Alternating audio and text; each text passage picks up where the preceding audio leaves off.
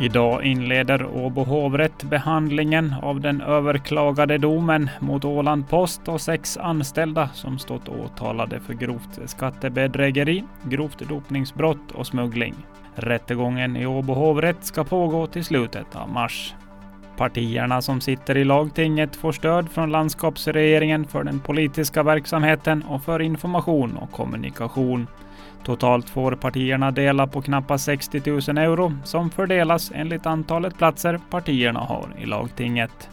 Statistik visar att antalet plastkassar som används på Åland minskar. Minskningen sker främst genom att andra typer av kassar erbjuds i butikerna, skriver landskapsregeringen i ett pressmeddelande. Ålands näringsliv har tagit fram siffror på hur många plastkassar som släppts ut till kunderna och första gången siffrorna togs fram var 2017 och då släpptes långt över en miljon plastkassar till kunderna.